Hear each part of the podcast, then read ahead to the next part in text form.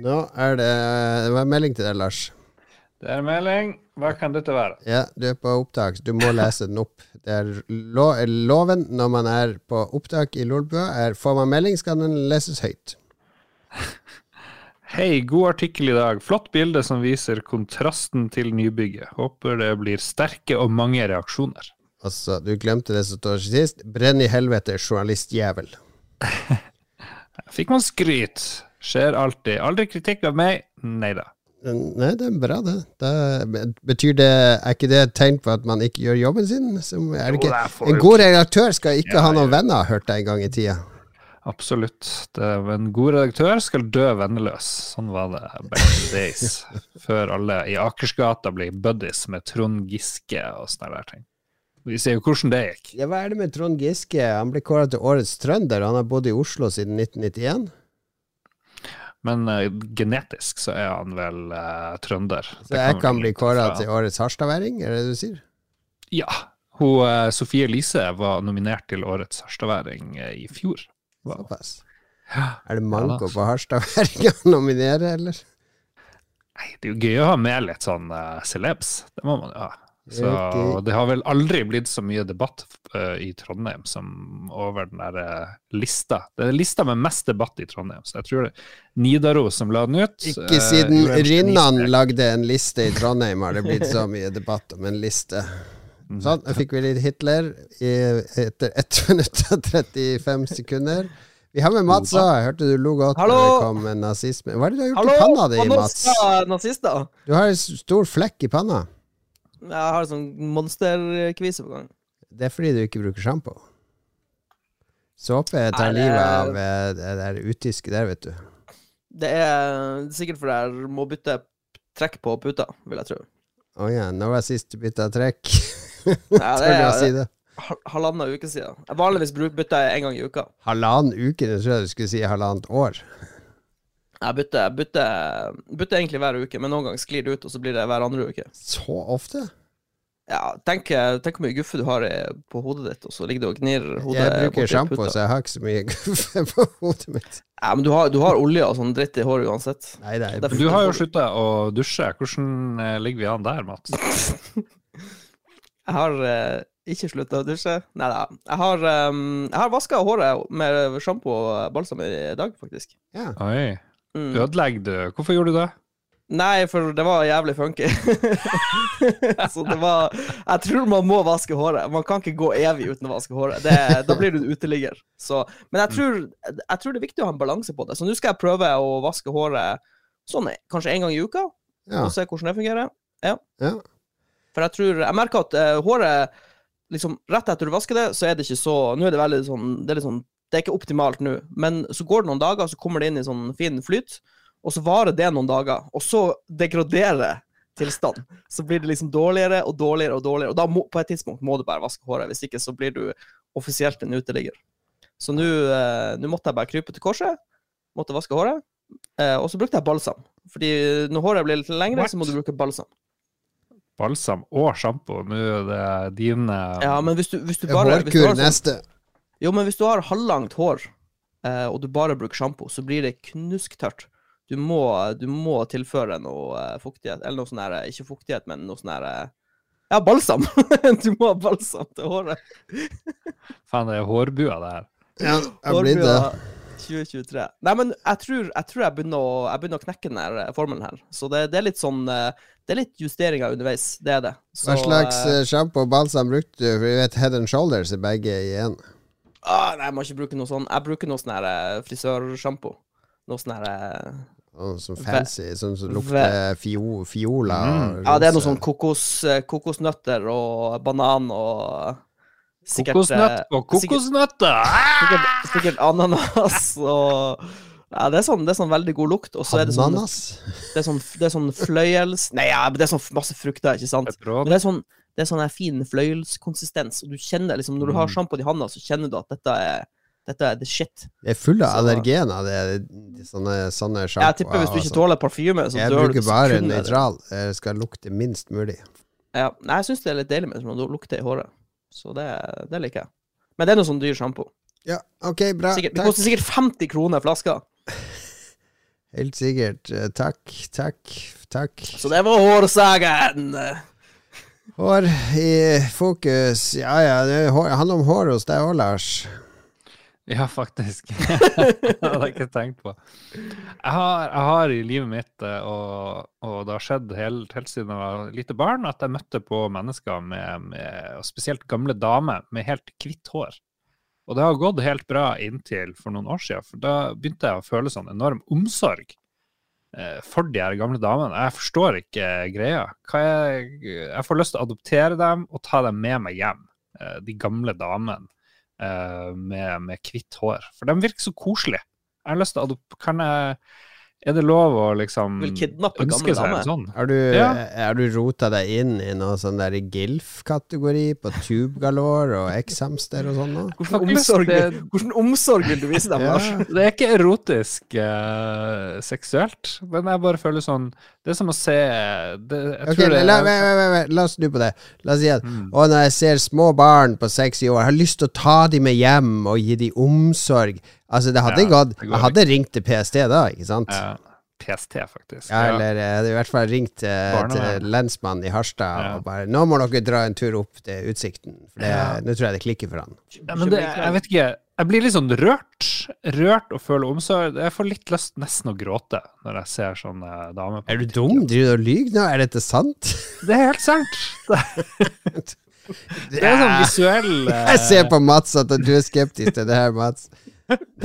Men så, OK, OK, ok Lars, jeg har, go jeg har gode nyheter. Ja. Det fins en, uh, en TV-serie som heter The Golden Girls, som gikk ja. på NBC fra 1985 til 1982. Så her kan du bare sette deg ned og bare fyre opp. Sett deg ned med håndkremen og toalettpapir og kos deg med Golden Girls. Men har de helt ja, Det er i hvert fall jeg som har helt hvitt hår. Eller begynner de å farge det blått og sånn? Ja, for det, er jo greia. Du ser jo nesten ikke gamle damer med hvitt hår lenger, for de, jo, de putter jo alt mulig farge i det. Ja. Men jeg respekterer det Hva med ga små, gamle menn med hvitt hår? Det, det, hjelper ikke. Jo, jeg føler en viss omsorg for Så det er kun kvinner? Altså, det er, okay, okay, okay, okay, okay, Vi er inne i noe seksuelt hvis, hva, hvis en, hva hvis det er en liten, gammel mann med hvitt hår som har uh, bytta kjønnsidentitet til gammel dame? Føler du omsorg for han Eller hun. det har ikke jeg kommet over. Men jeg føler, for the record, litt omsorg for de gamle mennene òg. Men uh, det, er noe, det er noe der. Og så er det litt sånn jeg vet ikke. Det har kommet de siste årene. da. Ja, I stedet for å få sånn enormt uh, sånn barnsinstinkt etter at jeg ble samboer, så har jeg fått Jeg har jo litt det òg, men jeg har mye mer omsorg for OK, når eh, har mor di bursdag? Uh, 1. august. 1. august, ok, da kjøp, 1. august kjøper du sånn grå hårfarge, sånn dye your hair, så gir du det til mor di. Boom! Ja. Men jeg lurer på om det er fordi moderen blir gammel, jeg begynner å føle mer omsorg for henne, ikke sant? Om det liksom smitter ja. over. Du, du, du begynner å gjøre, kroppen din begynner å gjøre deg klar? Ja, jeg tror det. Hva sier, Nei, så... uh, hva sier din samboer til denne fetisjen? Har du prøvd å gi henne en sånn eh, hvitt, krøllete hårparykk og så litt sånn rullator inne på soverommet? Se hva som skjer? Ja Jeg hadde ikke lagt de to tingene sammen, men du har helt rett. Jeg er gitt rullator. Og den kinesiske senga? Ja. Topp kinesisk seng. Fantastisk bra. Anbefales ti av ti. Ja, ja, men uh, jeg er glad, for nå deler du. Altså, du vet jeg ikke 90, 80% Jeg vet ikke, 70% sikker på at dette stemmer, og 30 sikker på at han bare finner på noe. Det, hvorfor skal jeg dikte på det her? Det er jo ikke noe gøy. Det har, det det har vært verre før. Vi får se hva lytterne tror. Send bilder av gamle damer med hvitt hår til Lars, så blir han glad. Pantertanter går på Disney pluss. Uh, jeg må faktisk sjekke det ut. jeg har uh, to ting som har opptatt meg i det siste. Det ene er litt uh, Altså, uh, når man tar heis jeg, Fordi jeg tar heis hver dag på jobb, og jobber i femte etasje, så kommer jeg ofte inn i sykkelen i kjelleren. Sykkelgarasjen. Da skal jeg ta den opp til femte. Men ja. så hender også at jeg kommer inn første etasjen, så går jeg inn, skal ta heisen til femte, og så begynner døra å gå igjen. Og så kommer det en sånn arm Jeg hører sånn løp, Kommer det en sånn arm, så kommer det noen inn ah, Og så trykker de på fjerde. Mm. Og da eh, Ville dere gjort det, hvis dere skulle til fjerde? Og, og uh, stoppa døren og åpna de, og kommer inn, og det står en du der og skal til femte? Og du skal, Eh, du eller ville du okay, gjort- kommer, Ja. Men hvordan, kommer- hvordan kommer- etasje er dere i? Vi er i første etasje, ikke sant? Første. Og du har allerede Du har allerede delaya en som skal til femte. Det jeg gjør i de tilfellene, for det har skjedd, at jeg kommer inn, så er det en som skal til sjette. Da blir jeg med han opp til sjette, og så går jeg ned til femte. For jeg trenger jo ikke å pålegge dette mennesket ytterligere forsinkelser i heisen. For nei, nei, jeg skal, jeg skal avføre deg. Jeg er mye viktigere der. Stopp dørene. Jeg er mye viktigere. Og så må, du vente her mens jeg går av og går på jobb. Jeg blir med han opp dit, og så går jeg ned til femte. Er ikke Det det, er- det er, ikke det god veldig- heisetikett? Det er veldig nobelt av deg. Ja, er det ikke det? Jeg føler jeg, Ja. jeg, jeg har spurt folk på jobb, de tror jeg er idiot. Er jeg idiot som gjør sånt? Jeg tror uh, Jeg syns det er veldig nobelt av deg, men jeg tror du er i minoriteten her. Fordi jeg tar òg mye heis på jobb. Uh, vi har åtte etasjer Ja. i boligplattformen. Og det er ingen som følger din heisetikette der. Der er det Jeg syns at jeg skal være et foregangsbilde. Ikke sant? Spør ikke hva heisen kan gjøre for deg, men hva du kan gjøre for dine medpassasjerer i heisen. Du opererer med en separat kontrakt angående oppførsel i heis. Det, Men, det men jeg har um, jeg må, Her må jeg ta eh, mitt heisfolk litt i forsvar, fordi vår heis er litt sånn dust. Fordi La oss si vi går inn i første etasje, og så skal noen Noen skal til åttende, og noen skal til sjette. Ja. Eh, hvis det som kan skje, da, hvis, hvis de eh, som La oss si, kom, la oss si du skulle til sjette, Jon Cato, så kommer du først inn. Ja. Og så kommer det en fyr og akkurat rekker heisen og får dørtunga opp igjen, og så skal han eh, til en etasje over, da. Ja. Eh, det som kan skje, da, hvis han ikke toucher inn åtteren, eh, og du kommer opp til seks, og så trykker han åtte når døren går igjen, da kan han plutselig gå ned igjen til andre. Fordi heisen har noe sånn helt loco programmering. Ja, køsystem. Det er noe sånn køsystem. Ja, for det er så mye trafikk på heisen. Ja. Så jeg tror, så der, når folk kommer inn, så bare med en gang bare trykker Det er ikke problem hos oss med, de heisene. Men jeg tror Min teori er at fordi han, eh, han som skal eh, Hvis jeg kommer inn, og han skal til sjette, jeg skal til femte, så blir jeg med han opp til sjette og går ned til femte. Det som er at det er ingen som setter pris på den vennligheten, for han vet ikke at jeg har gjort han en tjeneste. Okay, Ikke ja. Hadde det vært motsatt, hadde jeg sagt Vær så god, min herre, jeg blir med deg opp, og så kan jeg, jeg skal ikke forstyrre deg ytterligere. Ikke sant? Fordi folk gjør ikke snille ting mot andre mennesker uten at de får anerkjennelse for det. Det er min teori. Det, du hjelper ikke en gammel dame. Og du, når du hjelper en gammel dame over gata, så forventer du I hvert fall i Lars i tilfelle forventer han kanskje en handjob, men oss andre vi forventer sånn vennlig Ja, takk for Ja. hjelpa, unge mann. ja. Vi vil ha noe tilbake. Ja, du vil bare ha en anerkjennelse på at 'nå var jeg snill'. Og i min heisetikett det Du får ingen anerkjennelse. Du har kun ofra litt uh, for å ikke legge hinder i, i livet til en annen person. Det spørs også person. hvor uten at det blir lagt merke til. en, en faktor her vi må ta med òg, er hvor treg er heisen. Ja, Den er ikke sånn voldsomt treg, men det er fort syv-åtte sekunder som går med til å stå og vente på at døren går opp og, og, igjen. Så det er en prinsippsak. Det er en prinsippsak. ok, jeg har tenkt veldig mye på den heisen. Jeg har en ting til, men du har jo også masse på lista di her, Mats. Eh, ja, nei, nå ble jeg litt eh, Nå ble jeg litt artig. Nå vil jeg snakke mer om heis. Fordi en ting som irriterer meg veldig Vi, dri, vi driter i det andre. Yeah. Uh, OK, her er en ting som irriterer meg veldig med heis. Når du kommer til etasjen du eh, skal til, og så går døren opp, og så står det en løk der og bare står i øynene dine og prøver å gå inn før du går av heisen. Det, det er dårlig heisetikette. Du skal alltid yeah. slippe av de som kommer ut. Det, og det skjer hele tida, syns jeg. At liksom, jeg prøver å Jeg står Ja. klar med døren, og så står jeg liksom klar til å bare gå ut, fordi det er det man gjør når heisen kommer fram. Og så bare skal liksom brøtte seg forbi meg. Hva faen er greia med det? Det kan være fordi dere har det der gale heissystemet der den stikker av hele tida, så de er livredd for at den skal stikke av før de kommer seg inn. Ja, Ja, ja. Nei, Men har dere noen gang prøvd eh, sånne triks? Prøve å holde inne knapper? Er det noe som skjer da? Hvordan resetter man? Det må jo være noen sånne Det går greier. faktisk Det går gjetord, fordi som sagt, vi har åtte etasjer, så er det mye trafikk. Så det er veldig irriterende hvis du skal fra første til åttende, og så må du stoppe mange veier eh, Ja. på, på veien opp til åttende. Så det, det går sånn rykte om at det finnes en sånn tastekombinasjon. Hvis du trykker inn en annen knapp mens du trykker etasjen din, så går han rett opp uten å Ja. stoppe på veien. Og det, Ja, det- det, Det er jeg veldig interessert i, hvis noen vet om Ja, nei, men det er Nå skulle vi hatt med Ståle, for det, det jeg har lest, er at det er sånne kombinasjoner på heisene for paramedics, ikke sant? Og nei, det er en som har fått infarkt oppe i 21. etasje, og eh, kommer vi med båra i rushtida, så skal vi bare stoppe på eh, 12 etasjer på vei opp. Nei, da sant. holder du inne den og den, og så trykker du på 21, og så overrider den hele, hele first in, last out-lista. Men det er kanskje uetisk av oss dødelige å bruke den Ja, riktig, så vi skal ikke vite om det her, altså. Ja. Mm. Ok, det er 9-11, Jon Cato. Du er i etasje 75 og Ja. skal ta heisen ned eh, for å redde livet ditt. Men så kommer det ei dame eh, som sier nei, jeg skal bare til etasje 50. Eh, hadde du liksom gått av på etasje 50, og så Det, det er snakk om at det er pluss minus én etasje, ikke mer enn det. Hvis det er mer enn to, da er det innafor å stoppe heisen. Men det er pluss minus én etasje, og det har man ikke vondt av å gå. Ja, Og, og, og en annen ting, eh, det må være lett tilgjengelige trapper for å flytte seg Ja, ja, trappa er rett utfor her. Trappa og heisen er jo i, i, Det er to meter fra heisen til trappa, så de er rett ved hverandre. noen ganger noen ganger er jo trappen nærmest ikke i bruk, at det er sånn nødutgang Ja, nei, sånn er det ikke her. Det er en stor, fin, fager trapp som går Men unnskyld meg, du skal opp i femte, er der du jobber. Ja, ja. Hvorfor tar du ikke trappen, bare? Drit i heisen. Blir jo mye bedre form. Faen, ja det fordi jeg sykler jo til jobb. Så jeg er jo Da er jeg nydusja og fresh, og da orker jeg ikke å ta de trappene opp. Pluss at da kommer jeg fra kjelleren. Og når jeg kommer fra kjelleren, så stopper jeg veldig først i, ofte i første, for der skal noen på. Og, kom, og så får de alltid sjokk. Å! Å, er det noen i heisen? Å, jeg trykka opp, er det? Står det noen i heisen her?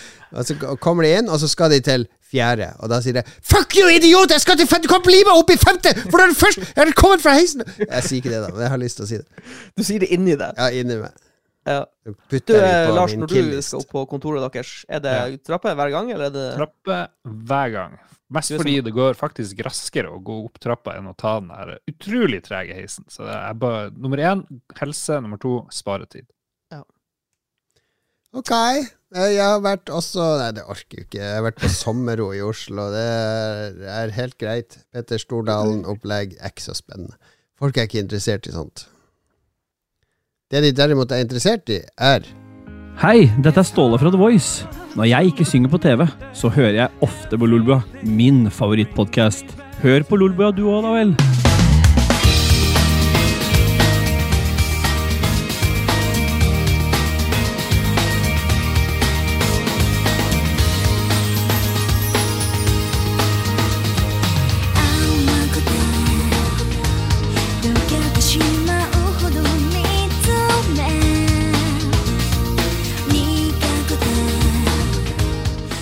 Jeg tror Ståle han angrer så sykt på at han spilte i den der soundbiten til meg. the jingle? alle, Vi kommer aldri til å få noen soundbite mer. Ja, alle, alle, alle, angrer, alle angrer på at det her skjedde. Jeg, drev og, jeg streama jo to ganger i helga, og jeg driver og spiller den på stream. Jeg tenkte å lage sånn animert Ståle, som jeg kan trykke på knapp, så Hei, det er jo Ståle fra og jeg har lyttere som har spurt om jeg kan sende de soundbiten, for de har lyst til å bruke den når de spiller med kompiser. Oh, Fantastisk. nice. Du det er populær, Ståle. Du er en populær mann, Ståle. Han har vunnet hjertene til alle. Ja, vi elsker Ståle. Og så kommer spalten som eh, nesten gjorde at Lolboa ikke ble mer enn eh, Hvor mange episoder er vi? 432 episoder lang. Kon konfliktspalten. Konfliktspalten. Min idé, og det her blir garantert bra, kjære lytter, for nå skal vi virkelig underholde dere eh, med å gi dere opplysning og hint om hvilket spill dere bør se frem til i 2023. Vi har tatt sett på alle spillene som har en fast dato. Nesten, Så har vi lagd en, eh, lagd en liste, og nå skal vi komme med, med de mest underfundige takes på ulike spill. Vi skal være morsom, overraskende, leken. Uh, bare glede dere. Uh, det her blir sinnssykt bra. Beste spalten i 2023 spår jeg allerede nå. Ja, Vi skal snakke om en hel haug med Altså, jeg må, Det er jo eh, første gang på lenge at Lars eh, plutselig har laga masse i sendeskjema. Så, så jeg, jeg tar selvkritikk på at Det de første jeg gjorde, var å skyte det ned. Så jeg skjønner at du er litt sur, Lars. kjedelig! Det her er kjedelig! Det er jo det du lager når du lager forbereder ting her ofte. Så er det jo en liste over spill. Tenk deg at det her var midt i blinken. Og så Ja, men er litt lang. Vi får se. vi får se Så Lytterne får gi sin mening når de, er, når de har hørt oss i to og en halv time snakke om spill som kommer i 2023. Det er ikke så mange, det er sånn 15 15 spill som kommer. Ok, hva er første spill ut, da? Ah, Logovignett. Vi er i januar, og det første spillet Det har kommet masse spill, men ingen som virker sånn å være veldig spennende, kanskje. Kanskje fordi jeg ikke vet om dem. Men Fire Emblem Engage! Bare navnet roper jo Jeg har det noe med den gamle telefonkonsollen å gjøre til Nokia. Gage. Nå nå er det content! Nå Ja. snakker vi om Engage. Den gode, gamle telefonen som så ut som en taco. En taco du holdt inntil hodet ditt. Og det er alt vi trenger å si om det spillet. Tommel opp eller tommel ned til Er, er, Fire er, Emblem. er, er det noe forskjell på det og de gamle Fire Emblemene? Det ser jo ut som akkurat det samme. Tommel ned. Gidder ikke å sette meg inn i noe som helst. Fire Emblem Engage. Tommel ned fra Lars. Jon Cato. Jeg må jo sette meg litt inn i det der. Da begynner lytterne å kjede seg. Du skal, Ja. vi, uh, skal ikke sette oss inn i noe som helst. uh, nei, altså jeg liker jo Fire Emblem-spillene, men det her ser jo ut som det er laga med samme engine, og det er fin grafikk. Det som er problemet med disse spillene, er det samme som eh, jeg spiller det Marvel Midnight Suns og sånn nå, at du skal bruke veldig mye tid på sånn relationships og Mm. playe sånn, mye sånn her eh, dialog og sånne ting. Og det er der jeg ofte faller av. Jeg liker jo kampene, og det er veldig godt. Ja, utrolig kjedelig. Masse japansk språk, ingen skjønner noe av. Blæ, blæ, blæ. Kjedelig spill. Ja, men jeg gir det tommel opp. Det er lenge siden jeg har spilt på Switchen. Jeg har jo ikke rørt Switchen etter jeg fikk en uh, Steamdeck. Ja. Mats, du er the decider. Er det her noe folk skal se frem til i 2023? Jeg har uh, svært tynt forhold til Fire Emblem-serien, så uh, jeg må nok gi det tommel ned, tror jeg. Jeg kjenner liksom Jeg, har, liksom, jeg er ikke Nintendo-fyren, da, så Ja. ja. Elendig spill! Sorry. Sorry, Nintendo. Da går vi videre Miskosi. til et spill ingen har hørt om.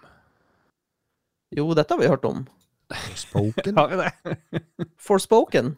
Hva er det? Du må jo si hva spillet er, Lars. Ok, du spiller ei sånn eh, dame fra sånne New York, eller noe sånt, og så plutselig så blir hun kasta inn i en sånn fantasy-verden, og så har hun masse superpowers, og så er det plutselig hun som må redde den her eh, verden hun blir transportert inn i.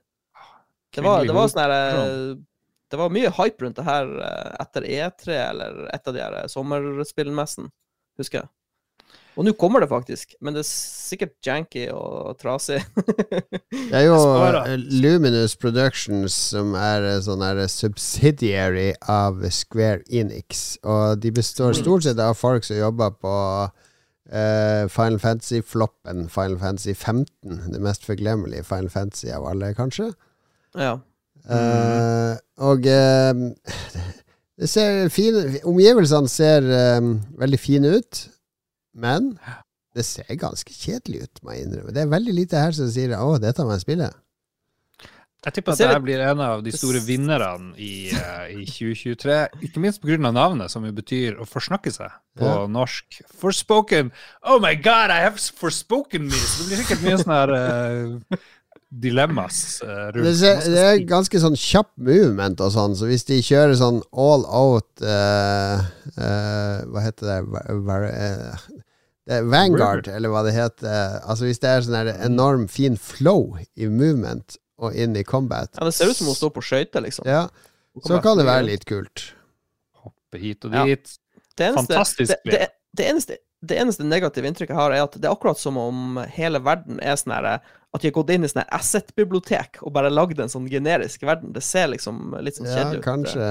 Og så ser jeg at han Gary Witta har vært med og skrevet manus. Han er jo gammel Zepp64-journalist, han som skrev manus til Book of Eli og uh, Rogue One-filmen. Det kan hende det får kul story.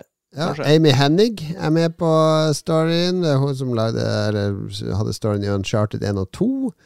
Bear McCrary er på soundtracket. Han er soundtracket på alle sånne hipster trippel A-spill. Uh, er ikke han på Last of Us? Han har lagd masse TV-serier òg. Han er hørt God Ragnarok er jo han Bear McCreary. Han vant jo pris nå på dette Video Game Awards. Så eh, det er store han scoren til Black Sails. Ja, det er store folk de har henta inn her, altså. Store, store navn. Men uh, jeg, jeg tenker det, det visuelle er litt sånn eh, Jeg vet da faen. Det er litt Ja. sånn uh, Jeg gir det tommel opp. Men jeg har lyst til å gi, jeg har lyst til å gi det tommel opp, fordi det virker som litt, litt morsom story. Kanskje det har en kul story. Hurra!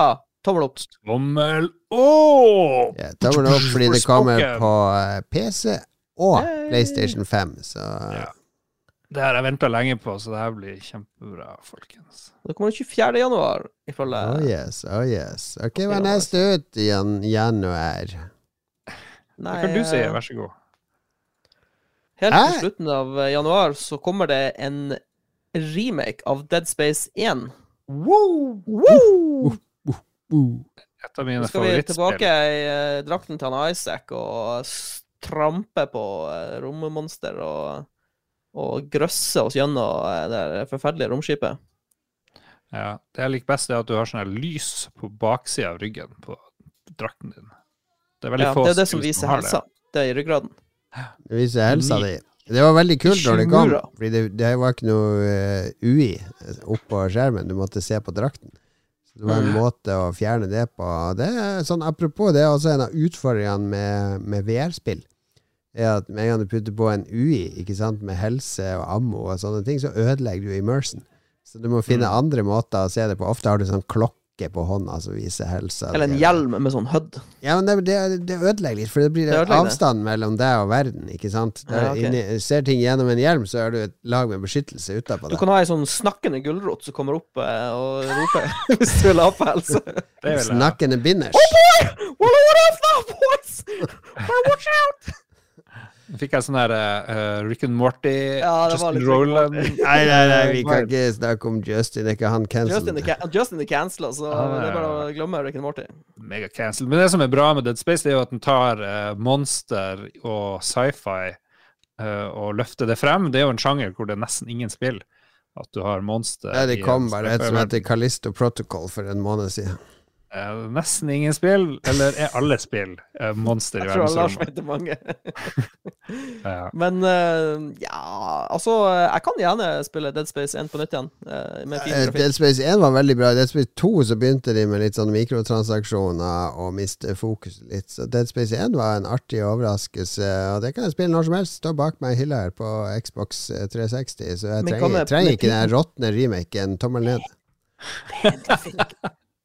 Rotten remake. Hater remakes, får de bort.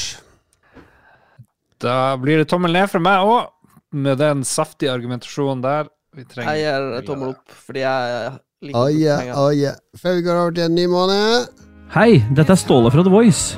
Når jeg ikke synger på TV, så hører jeg ofte på Lolbua, min favorittpodkast. Hør på Lolbua du òg, da vel. Oh yes. Ok, Da skal vi inn i februar, og vi trenger ikke prate i fem minutter om hvert spill, folkens. Det, nå kommer okay, det ok, for da, da holder vi kjeft, Mats, så skal Lars bare lese opp lista over spill. Det var jo det du ikke ville. Du, vi gjør nettopp nå det du ikke ville. Vi må jo. Jeg ikke- prate om det det som interesserer oss, ikke sant? Jeg kan ikke vinne, Lars. Det er ikke alt er galt. You fuck Hogwarts Legacy 10. februar, og der har vi et stort uh, Men er ikke det ute nå på PC? Alle liker. Nei, nei, nei. Hva som er på Steam, og, så du kan spille? Det er jo sånn Harry Potter-spill som er øverst på Steam. Er det ikke? Eh, nei. Hvordan spiller det, da? Er det øverst på lista? Nå må vi beklage, Hogwarts kjære Legacy, liste. 599 kroner. Er Og det kommer pre- ikke ennå. OK. OK, OK. ok Det kommer tiende. Okay, okay, Det er en sånn greie nå med de moderne spillene. Du kan kjøpe de før du kan spille. Før de kommer. Ja, faktisk. Eh, Jeg trodde folk hadde spilt det òg, men det var sikkert eh, en drøm jeg hadde. Nei, det er ingen som skal spille det spillet her, ifølge internett, har jeg skjønt. Men eh, er det så farlig å spille det her spillet, hvis du er glad i Harry Vi har ikke tatt debatten her. Er vi klar for den debatten Okay. her? Det, det går vi inn i. Her er det sterke meninger begge veier. For det, det har jo vært eh, debatt både i NRK og Ja, men, okay, VG ok, så, og så tanken den gangen er at fordi hun JK Rowling kan få litt penger av at folk kjøper spillet, så er det kjempefarlig å kjøpe det. Hvis det er det som er- Hitler det lagde er spill. Mats uh, Eller hvis de lagde spill basert på Du- Mein Kampf Vi vet jo hvordan Hitler hadde vært på Twitter. Han kunne vært veldig chill på, på Twitter. for alt Ok, men, uh, altså hvis, uh, Hitler var jo maler før han ble diktator. Så hvis, går det an å henge opp et maleri fra den unge Hitler, eller er de også cancelled? Nå syns jeg vi går rett inn i kjernen på debatten. Jeg er glad, jeg er glad for at vi på den Hitler-analogien. Det var et godt valg. Nei da, men uh, det er en interessant uh, Altså, uh, hvis man er seriøs kulturanmelder, så skal du jo anmelde kulturproduktene i en kontekst av samtiden vi lever i. Og så er det forskjell Det finnes jo mange eksempler på folk som har blitt eh, idioter, eller som eh, jeg syns her er litt farlige holdninger. Frank Miller er jo et sånt eksempel. Tegneserietegneren som lagde eh, Som jo er hele årsaken til at Batman kom tilbake. Han ble jo sånn ultrahøyrevridd eh, fascist. Så de tegneseriene hans etter Sin City var jo rene sånn korstog mot uh, islam og sånne ting. Da ble det vanskelig å lese de seriene som kom da, selv om jeg beundra veldig fortsatt de seriene som han lagde før han ble helt radikal. Eh, Scott Adams er jo et annet eksempel. Men jeg tenker, hvis hun JK Rowling hadde vært hjernen bak dette spillet Altså at hun ja, var direkte involvert i å lage og, og formidle sine verdier eh, nå i dette spillet, så hadde det vært mye mer problematisk enn at det er basert på eh, en sånn her fantasiverden som hun fant opp. Ja, fordi det er, jo det er jo masse hundre folk som har jobba på det spillet, og ingen av de er hun JK Rowling. Nei, og så, hun er ikke uh, hun, hun, Hennes nåværende Altså, hun er ikke eh, en aktiv skaper i innholdet i dette spillet nå. Nei, der er jeg enig med deg, Jon Cato. Det hjelper jo veldig at spillskaperne har gitt uttrykk for at de deler ikke samme oppfatning som JK Rowling gjør om transkjønna mennesker, og da begynner jeg å tenke at ja, ja, Ta noe Nevn ha det nå i bakhodet, og hvis du vil boikotte, så boikotter du. Det er ingen som hindrer deg i det. Ja, alle men, kan uh, Altså, min uh, svigermor boikotter Klementina uh, fra Israel fortsatt. Så alle kan boikotte hva de vil, basert på sine Det var en enorm suksess, den boikotten der. Men, ja, men alle står jo fritt til å boikotte det de ønsker, ikke sant? Og, og, gjerne snakke høyt om det, og hvorfor de gjør det, og skape oppmerksomhet rundt det problematiske eh, som hun formidler. Men jeg, jeg, mener at det er en forskjell på å boikotte eh, Altså Hvis Justin Rowling nå skal lage en tegnefilm om date-raping, så er, det, er, jo det problematisk. Hvis, siden, er det ikke det han heter, han der uh, Justin Royland eller noe sånt. Ja. JK Rowling, Rowling og Justin Royland er samme Justin R. Ja, det er det. OK, uh, tommel opp, tommel ned. Kommer dere til å spille det, da? Uh, Harry Potter-spillet? Ja. Jeg, jeg, har svært lite med Harry Potter å gjøre, så jeg tror ikke jeg kommer til å spille det. det og det er ikke pga. en boikott, det er pga. at jeg ikke bryr meg så mye om Harry Potter-universet. Kan hende jeg bare får det over meg, og så får jeg lyst til å spille det. Ja. Jeg hører jo at de skal gjøre en del kule ting, så jeg er jo interessert i å, å sjekke ut, ut, hva de gjør innen uh, spillsjangeren. Men jeg er jo også i den båten at for meg var Harry Potter Det var tre sjarmerende bøker som jeg kunne lese med ungene mine. Altså De fire siste bøkene er jo bare dritt. Det, det er det samme Altså Det var kjempebra i starten, og så ble det bare verre og verre. Så det universet jeg er ikke så forelska i det som mange andre. Det er ikke en del av min oppvekst. Sorry. Jeg likte filmene fordi han Alan Rickman var med. Ja. Tredje filmen er best. Det er den med han, uh, han uh, Alejandro, eller hva han heter, han regissøren. Jeg likte den der karakteren som hadde helt hvitt hår. Prisoner Azkaban. Må du roe ned med det hvite håret ditt. Men jeg, jeg, jeg, ønsker debatten velkommen. Herregud. Alt som setter ja. fokus på, uh, på uh, urettferdighet og, og folk, uh, folk, sine følelser er folk sine følelser. Uh, det må være lov å snakke om å være skuffa over at noen som var viktig ja. for deg i oppveksten, nå har blitt en antihelt. Ja, det er trasig. Mm. Ja, så er det altfor få spill om magiske krefter, så jeg støtter det bare på grunn av det. ja. Ja, da tror jeg vi har et visst inntrykk av hva vi gjør der. Og så et spill vi bare kan hoppe fort over. Jeg vet ikke hvorfor jeg tok det med. Wild Hearts, er det noen som har hørt om det? Skal vi hoppe over det? Er kjempeinteressant, da. Alle, alle maskiner, bortsett fra uh, Det er Dynasty Warriors-utviklerne, Omega Force, som har partnere opp med EA Originals. Der ser du. Der ser du. Laga et uh, fantasispill satt i føydal-Japan, der du skal uh, se litt ut som Monster Hunter. Ja, sånn Ja. tullespill med masse monster som er helt usannsynlig. Slåss med et kjempestort uh, villsvin på et tidspunkt, så, og ei sånn slags rotte. En blanding av Ghost of Tsushima og Monster Hunter står det i kommentarfeltet her. Herregud, det er to tomler opp for meg, altså. Ifølge traileren så er det bare Ghost masse Tsushima på cutscenes. PC? Hæ? Ja, det Er det noen som vet? Når kommer Ghost of Tsushima på PC? Det kommer sikkert i år, tipper jeg. Give it Give it here! Ja. Okay. Nei, men uh, Wild Hearts uh, ser kult ut. Uh, jeg syns det var tøft med det store villsvinet, så jeg gir det tommel opp. Tommel ned. Ja, og så er det jo eh, soundtrack fra Duran Duran og greier. Og Wild Hearts, Wild Hearts! Wild Hearts, Wild Hearts! Nei da, dette blir bra. Jeg syns det var et modig, modig valg med Duran Duran.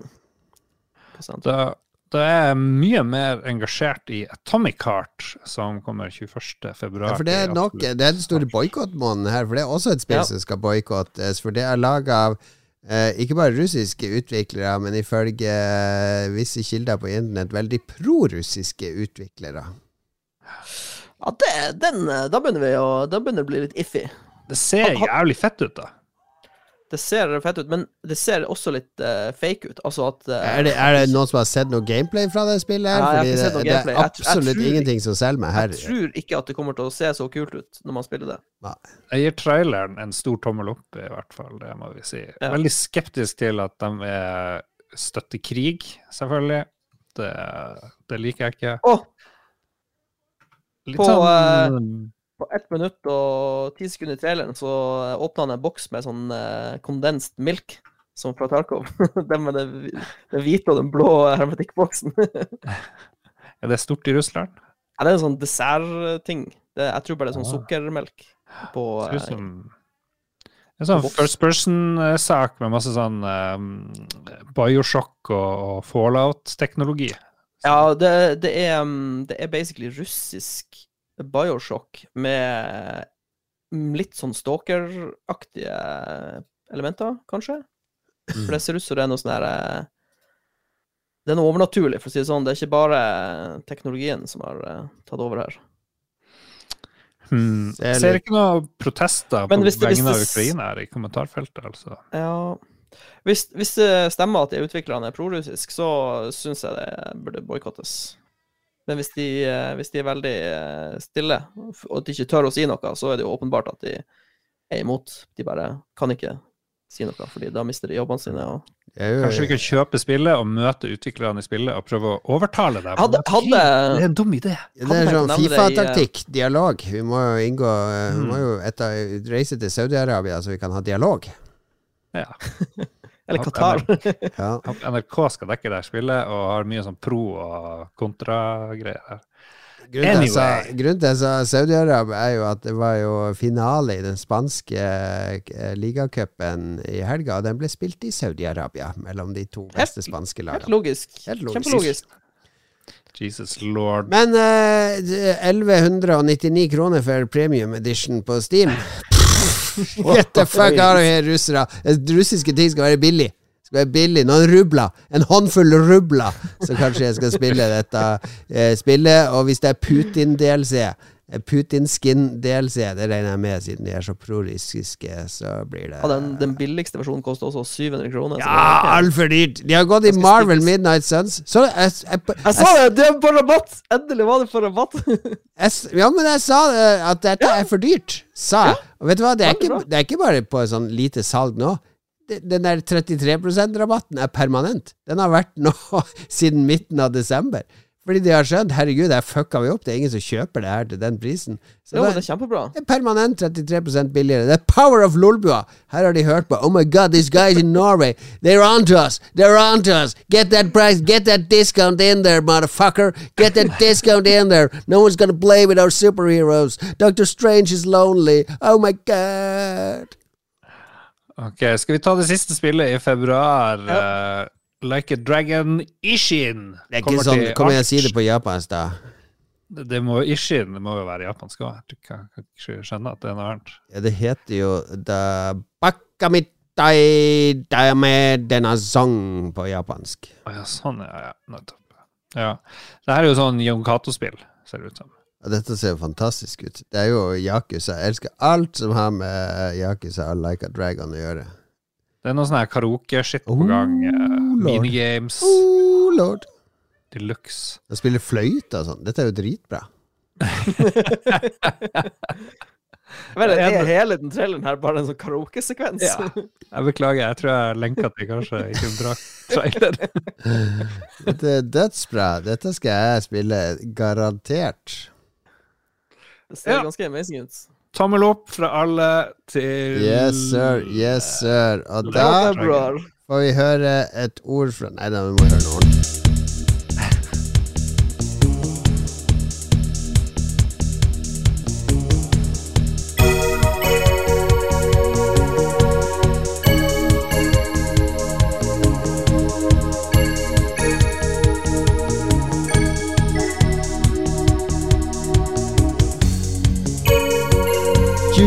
«2023 er året i Lolbua der vi snakker om spill. Hey, uh, Spill som kommer. Hva sier du, Mats? Har du en favoritt? Før vi går til mars, så vil jeg si at Blood Bowl 3 og Sons of the Forest og Curble Space Program 2 Og ikke minst så kommer Destiny Lightfall, der du får grapple hook, og de Det er slår en dårlig liste vi har. Ja, fytti grisen. Jeg har gått glipp av så mye bra i februar takket være Faen, lista sånn- di. Sons Lars. of the Forest det tror jeg kan bli dritkult. Ja, ja, ja. Song, Sons of the Forest. Sons of the Forest, Sønnene av skogen. Sons Ja. of Anarchy er- 2, Sons of the Forest. Horror survival med vennene dine i skogen. Hvis du husker The Forest, Lars. Med det Det er en låt med The Cure. Ja. Forest Whittaker. Verdens dårligste Forest Forrest Gump. Nottingham Forest. Sons of Forest Gump. Ok, vi begynner å bli litt lei. Skal vi bare kutte her, så fortsetter vi? Det var februar! Vi skal jo bare holde Ja. Vi er er ikke halvveis engang i denne lista, Lars. Det du, nesten halvveis. ja, du, skjønte, du skjønte min take nå, ikke sant? Men da har vi, vi fortsetter, vi fortsetter Ja, men det, det som, også, det som også er en trend på de her spillelistene, er at de, de spillene som er nærmest forestående, er jo mer presis på utgivelsesdatoen. Så det kommer jo garantert flere spill i mars enn det som du finner på internettet nå. Ja da. Så det, å gå for langt frem i tid blir vanskelig å være Ja. Vi har en lang liste som vi skal gå gjennom. Eh, Vi, vi tar resten Vi tar mer i februar. Nå har dere fått eh, flere spill å glede seg til. Det var mange tomler både opp og ned og inn og ut uh, fra oss i denne spalten, så jeg håper det ble opplysende til dere. Nå skal det handle mer om spill som man kan spille allerede nå, der vi skal dele hva vi har spilt i det siste. Og i går så så jeg noe artig. Så, ja, det er Mats på. Mats er på. Ja, nå kommer, kommer det snart. Sharing screen fra Escape from Tarkov. Bare what? Valheim? Mats, hva er det som skjer? Nei, vi har spilt noe nytt. Nei, vi, eh, vi fant ut at uh, vi, hadde lyst til å, vi hadde lyst til å spille det motsatte av Escape from Tarkov. Uh, Ja. Og så kom vi fram til at det var mange som hadde kjøpt Valheim på Steam, men Ja. ikke spilt det i noe særlig stor grad. Så da tok, tok vi rett og slett og eh, heiv opp en uh, dedikert server. Og så satt vi i går eh, sånn Vi var sånn fire til seks stykker og bare kokelura i, i Valheim. Så nå har vi bygd oss eh, en dritkul eh, landsby, eller sånn slags eh, bas, base of operations. Så har vi vært på ekspedisjoner over havet, og vi har drept to bosser. Vi har kommet oss til jernalderen, altså vi har funnet jern. Eh, vi har liksom gått gjennom bronse og flint og, og sånn. Så vi driver liksom og progresser gjennom tekken. Vil dere lære dere sjøl, eller sitter du med en sånn fakk på sida? Sånn Nei, vi har Ingen har vært inne på Viken. Dette er 100 Nei, blind. Ja. Eh, Vi har en som kan litt, men han er veldig stille. Så han, Ja. han lar oss andre eh, lede, lede veien. Så vi driver og famler, famler rundt i mørket. Hvilke av det her, Lars? Et lite sosialt fellesskap? Drive og utforske skog? Svenske fjorder? Er det er mye tåke, det er mye stemning. Sånn survival, går rundt og samler kvister. og Nei, men det går mer ut på det. eh, er ikke bare det, ikke sant? For det, det blir som et lite samfunn. Fordi eh, du må samle materiale, men du må også ha noen som bygger og designer. Det må noen som lager mat, det må noen som utforsker, noen som kriger. Så du får sånne roller, og eh, så kan du gjøre det du har lyst til å gjøre. Jo, det er gøy å gjøre noen gang, men å drive og bruke livet mitt på å, å lage murstein, det gidder jeg ikke. Men når du, ser, når du ser det ferdige verket, så er det verdt det. Jo, jo. Nei, det er artig hvis, det er folk, hvis man er venner med hadde- For å si det sånn, jeg hadde ikke, sutt- jeg hadde ikke eh, holdt på eh, så mye alene med, med tanke på eh, å bygge hus og, og sånn. Det, det er noe som blir mye morsommere når man er flere, for det blir et sånn slags fellesprosjekt. Men ja, så langt så er det supertrivelig. Vi kommer uten tvil til å fortsette. å Vi hadde jo en. Lolbua Valheim-server for noen år siden som Philip drev. Da var det flere Lolbua-lyttere som spilte det. Nei, så nå tenkte vi Det har jo kommet noe sånn her eh, Det kom jo en expansion en stund tilbake som heter Mist, eh, Mistlands. Så eh, vi skal nå prøve å se om vi klarer å komme oss til slutten av de her bossene. Men eh, det er litt sånn Det er overraskende eh, bra combat, egentlig. For du har, eh, du har sånn E-frames på dodginga. eh, Ja. Og det går mye på timing og animasjoner. Og, så jeg, for jeg trodde det kom til å være sånn Minecraft med sånn her helt turbo-basic combat. Men jeg synes faktisk at de har klart å finne en sånn fin, eh, fin middelvei med å ha litt, bitte litt dybde i, i combaten. Så eh, ja, superpositivt uh, overraska over Valheim. Ja da, men ingen spill er for gamle til denne spalten, for jeg har jo dratt uh, børsta støvet av et uh, spill fra 2007-2008, der omkring. Eh, jeg har jo tidligere snakka om eh, min vrede mot Microsoft, fordi på Xbox One, eh, min Xbox One, så har jeg jo importert alle sangene jeg har kjøpt til rockband opp igjennom, for å spille i Rockband Blitz, som det heter der.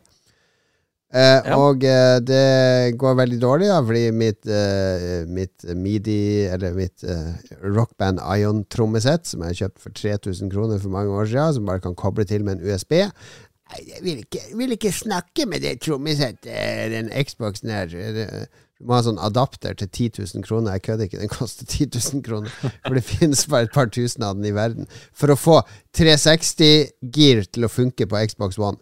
Fordi Microsoft vi vil ikke ha, Det skal ikke være no, noe kabla utstyr til Xbox One. Den skal være helt ren. Uh, ja, uh, Xbox One eller Xbox Series X? Eller? Xbox Series X og Xbox One og uh, alt det der. Ah, ja. Så jeg har, jeg rett og slett Fordi uh, han yngste sønnen min har blitt helt hekta på det, på synging og gitar. Det er jo det som har funka på Xbox One. Så jeg har sagt skal se om jeg får det til å funke på Xbox 360. For det har jo alle sangene der òg. Så jeg plugga opp. Jeg var oppe på loftet i en time og fant frem alt. Det er ganske mange deler til det trommesettet, for det er et ordentlig Og sånn hvordan eh, har, dere sånn, har dere sånn krypeloft hvor det er sykt trasig Ja. finne Sykt trasig, sykt kaldt. Så oppe fant frem alt, drev og rigga og kobla og mekka i tre timer på fredagskvelden, og fikk opp trommesett og Xboxen nede. Og jeg har en diger bunke med Guitar Hero og Xbox-spill på disk, så inn med rockband. Og det funka. Alt funka. Uh, så vi har nå to gitarer nede, trommesett, vi har keyboard. Du kan spille Kan spille for eksempel den Queen-sangen Bohemian Rhapsody. Hvis du spiller den på pro keys, så må du spille den sånn som du spiller på piano. Det er sånn én til én. Det, det er litt gøy. Uh, og mikrofon, to mikrofoner som kan både kore og synge.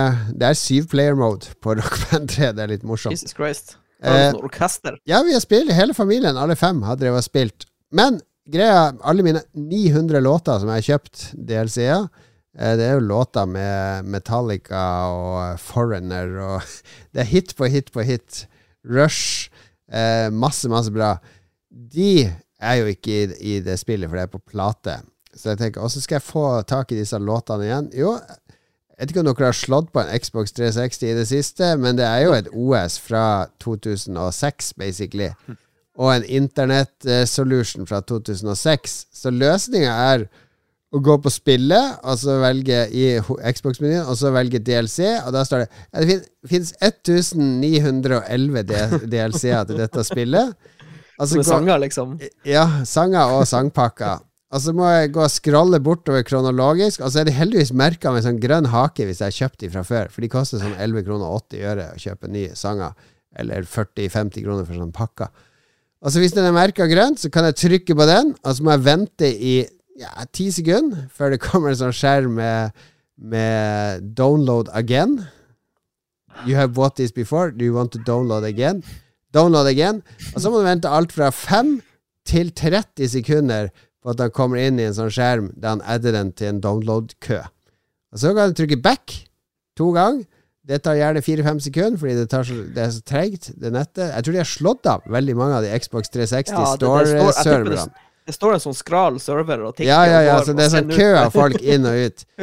Og det har jeg gjort nå. Eh, jeg, br- jeg satt to og en halv time natt til lørdag og lasta ned eh, ca. 150 Ti låter. Og så satt jeg og han eldste sønnen min satt fire timer på, på eh, eh, søndagen og lasta ned sangene. Nå jeg tror jeg jeg har lasta ned 70% av sangene mine. Så Sånn bare, du, bare litt igjen. dugnad for å få sangene. Ja, men det er veldig gøy. ut her eh, kjapt at du må bruke 13.500 timer for å laste ned alle DLC. Ja, noe sånt. Men det, det er veldig gøy å få alle de sangene tilbake og spille. Og herregud, så godt det spillet har holdt seg. Så gøy det er å spille på tromme og gitar og ha fullt husband igjen.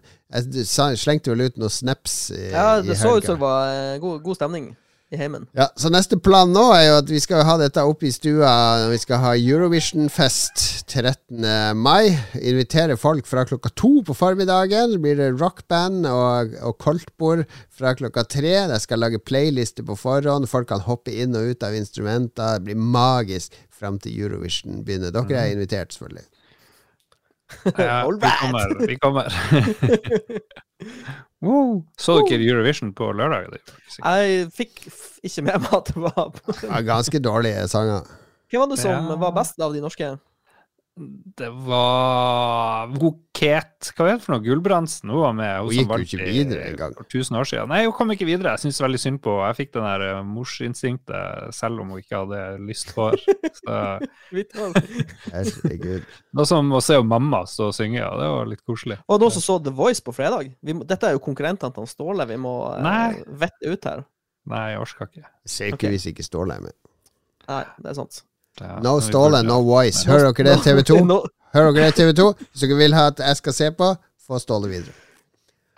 Ja, enig der. Ok, det var Um, rockband. Ja, ja, ja. Du har spilt andre ting òg, skal vi se. Ja. Skal jeg ta først uh, mitt fantastiske spill? Jeg, har, jeg er vel den som har spilt det nyeste. Nei, det er du, Jon Cato. Jeg spilte det nest nyeste, Euden Chronicle Rising, som uh, selvfølgelig er gratis på GamePass. Uh, jeg så noe sånn Japan-aktig shit, måtte sjekke hva det er. Det er jo faktisk han her uh, Maren som har lagd uh, Suikoden-serien, som, som eh, er bak der. Han Yoshitaka Murayama, han uh, står bak der her. Um, det, spillet ble finansiert med noe sånn her Patrion-shit, eller Kickstarter. Og da er det her spillet her som jeg har spilt, her er Rising, det er en uh, prequel til hovedspillet som kommer senere i år, eller hva det er. Så det her kom i mai 2021, 22. 22. Og, og er et veldig basic RPG. Um, du er en sånn eventyrer som skal ned i noen dungeons og sånt, og finne tak i ting. Jeg syns det er veldig sjarmerende. Du går veldig fort gjennom missions, får du bygd en sånn by med masse folk, og så får du gjøre dem tjenester. Men det blir veldig mye tjenester. Jeg tror jeg gjorde 40-50 missions. eh, Jeg jeg har faktisk spilt det her i ni timer cirka. Holy shit. Hei, dette er Ståle fra The Voice. Når jeg ikke synger på TV, så hører jeg ofte på Lolbua, min favorittpodkast. Hør på Lolbua du òg, da vel. Det var litt artig i sånn fem-seks timer å fære rundt og battle, for det er såpass enkelt. Jeg må si jeg respekterer et RPG hvor det er liksom Du har bare ett våpen. eh, det er det eneste du kan oppgradere. Du får noen party members. Det er ikke noe turn-based. Du kan liksom styre veldig lett mellom party members. Det er bare å trykke på en knapp, så hopper den inn i stedet for den andre. Og så kan du gjøre komboer dem imellom. Litt artig teknikk, ikke sant? Eh, Angrepsvåpenknappen til hovedpersonen er, er liksom A eksempel, og hvis du har med deg en annen, så er angrepsknappen Y, og så bare trykker du på de forskjellige knappene, og så veksler, uh, veksler det direkte under combat. Uh, veldig Ja. smidig og nice. Uh, jeg har ikke sett det før i en sånn Er dette rett og slett et JRPG for folk som deg, som egentlig ikke gidder å spille noe særlig? Ja, faktisk. Her går det unna. Og Ja. så samler du inn ting. Fetch Quests er 90% av spillet. Eh, Å, utrolig mye jo, eh, men du sier 'å gud'! Du sitter og spiller Escape from Tarkov. Det er jo en eneste stor fetch quest i hele spillet. Hæ? Hent Nei, to altså- sjokolader her. Hent en hjelm her. Hent et smykke her. Escape from Tarkov er en, en selvpiningssimulator, og hvordan å forkorte livet sitt med, på grunn av at du skvetter så jævlig når folk skyter deg fra trærne. Ja.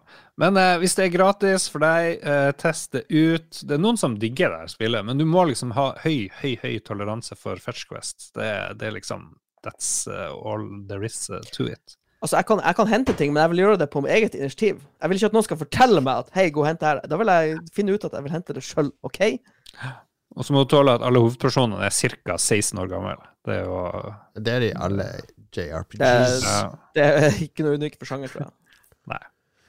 Men bra. Det var en god, eh, god gjennomgang, eh, Lars. Det ble litt nysgjerrig. Det hørtes ut som et veldig bra Steamdeck-spill. Ja, det passer veldig bra. Og så er det, det er stort sett 2D. Du bare går høyre og venstre. Og Det, sånn. mitt problem med Steamdekken nå er at hele tida så finner jeg nye spill, og dette er perfekt å spille på Steamdekken, så jeg bruker mer tid på å laste nye spill til å spille på Steamdekken enn å faktisk spille dem. Ja. Jeg snur. Jeg vil ikke anbefale deg Steamdekken. Det finnes mye bedre spill. Ok, bra. Da gjør jeg ikke det. Noe jeg skal spille på Steamdekken senere i kveld, på senga, skal jeg kose meg videre med Marvel. Marvels Midnight Suns, som det heter, utvikla av Firaxis. Eh, Jeg streama det i går, på søndag. Eh, Hadde to sånne helgestreamer nå på lørdager og søndager. Bare Ja. to-tre timer hver gang, men det dukker jo opp en 40 pluss uh, seere. Er Veldig hyggelig, da. Mm. Ja. Men har det noe med Norge å gjøre? En Arctic Circle, det er jo midnattssol. Da er du over arktisk eh, strøk. Nei, jeg vil ikke si så. Det handler om eh, Jesper, Hovedrollen er jo dattera eller sønn til en eh, hun onde som heter Lilith. Eh, du får velge Mhm. hvilket kjønn du skal være. Altså Ligget i en sånn kiste i 300 år, eller et eller Er hun annet. vampyr. Nei, ikke vampyr, mer sånn litt sånn gude Sånn norrøn gudekreft eller et eller annet. Men han Dr. Strange er med, og Tony Stark. Og de er litt sånn eh, De ligner litt på den de er i filmene, men ikke nok til at eh, Robert Downey jr. og Benedict Kan ikke heve, eh, ikke noe lønn her. Cumberbatch eh, kan, kan saksøke de. Og så har de stemmer òg som ligner ganske mye på sånn som de er i filmene. Men de er litt sånn First Price-stemmeskuespillere eh, som en sånn, en sånn eh, som vant eh, college-konkurransen med å imitere Tony Stark, liksom. Eh, Jo, men de har vel et budsjett på det her. ja da, det, men det er litt eh, Det føles litt som billig, de, de karakterene man kjenner. Da er det mye bedre, fordi det introduserer en uh, han Blade, som vi kjenner fra Wesley Snipes-filmene på 90-tallet. Og som Mm. bare elsker å drepe vampyrer. Ja, ja, ja. Og, og det introduserer noen nye karakterer som ikke jeg kjente før. Så det er et sånn nytt crew, da. Og så skal man bo i lag i en sånn gammel katedral, så det blir liksom basen din. Og eh, selve oppdragene er veldig kule, fordi det er jo et kortbasert, turbasert spill. Så du, du får eh, Hver helt har sin lille kortstokk, som da sjøfles sammen, og så trekker du en hånd når det er kamp. Og så er det ikke sånn at man mover på et rutenett eller sånn, selv om, som i XCOM, men de står på sine plasser, men du kan angripe stort sett hvem du vil, og da løper de bort og angriper, og noen har range-angrep. Ah, Nå ringer det bare sånn? så ringer her. Jeg må ta den, så dere får snakke. Snakk om Mary Midnight Suns, dere. Ja, der har vi mye å komme med, ikke sant, Mats? Jeg så bare på streamen at uh, jeg, jeg var liksom innom Vi satt jo og spilte Valheim, så vi var litt var travelt opptatt med å samle inn tømmer. Men jeg så at uh, han hadde en sånn fin gjeng. Han hadde han, han, hadde han Blade, og så var det der Midnight Mm. Sun-dama. Og så var det han, uh, han Dr. Strange. Og så var han Blade der også. Det var litt jævlig rart å se han, han Peter Parker og han Blade side ved side, liksom. Det er sånn eh, Er ikke dem litt sånn forskjellige publikum? Ja, men nå fikk jeg veldig lyst til å se Blade eh, 1 og 2, kanskje, faktisk. Som Blade 1 var jo magisk, med Chris Christoffersen og Tracy Lords, og det var mye morsomt der. Some motherfuckers are always trying to skate uphill. Veldig mye bra. Men uh, ja, spillet ikke sant, Man bor i denne basen med en hel gjeng. Uh, og når man har kamper, så De står på et sånn digert område, og så er det omgivelser som man kan utnytte til å skade eller gjøre, Så du, du, må, du kan spille tre kort i runden, men uh, det er om å finne synergier og legge en god plan. Og det er akkurat balansert sånn at uh, er, hver runde eh, av de tre kortene du skal spille, er en sånn liten gåte du kan knekke. Eh, prøve ja. å optimalisere rekkefølge, eller hvis jeg gjør det, så blir han skada nok til at det spillet her med det kortet er med quick power For quick power da bruker du ikke Da får du tilbake det card-movet, så du kan spille ett ekstra kort. Og det er masse sånne eh, små synergieffekter du må tenke på hele tida. Veldig, veldig gøy, de kampene. De har virkelig naila den greia. Og så kan man oppgradere, hvis man får et duplikat av et kort, så kan man oppgradere De kan fusjonere de til en oppgradert versjon av det kortet. Uh, mm. Det er også gøy. Så det, det, er en del kule systemer her. Men det som dro litt ned for meg, og det er litt fordi jeg satt på stream, og når du sitter og streamer, så har du litt lyst til at det skal være litt Det skal skje litt ting der jeg interagerer og, og gjør mm. ting som, som, som, gjør at de som ser på, blir engasjert. Men det er veldig mye dialog. Og de sier at det er første to-tre timene er det fordi du skal etablere sånne friendships med Blade og alle de her. og gi en gave til Blade, og så går han opp i, i, friendship til det. Fordi når, Hvis du får til sånne friendships, så får du øke synergieffekter, og du kan unlocke spesialkort og sånne ting, virker det som. Hvis noen kom med gave til Blade, jeg tror ikke han hadde, ja, jeg fant, I den katedralen så fant jeg en hodeskalle, og den er en sånn gift. Så du må finne ut hvem er det som setter pris på en hodeskalle av alle disse psykopatene som, som du bor sammen med. Så det jeg, jeg, gleder meg til å spille det videre på Steam-dekken. Det var gøy å, å, spille det på stream. Vi utforsker det sammen med alle seerne. Og det er definitivt et godt, godt uh, taktisk kortspill uh, inni her. Uh, jeg kan sette pris på sånt. Terningkast tre. Noe sånt. Noe sånt. nei da, litt mer enn det.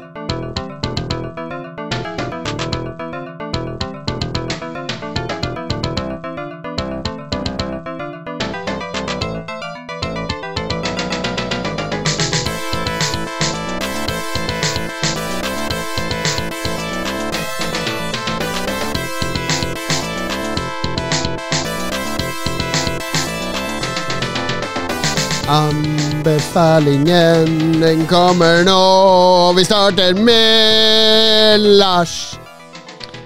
Vet du ikke hva, jeg har eh, begynt på et nytt og bedre liv i 2023. Eh, Å, oh, dæven.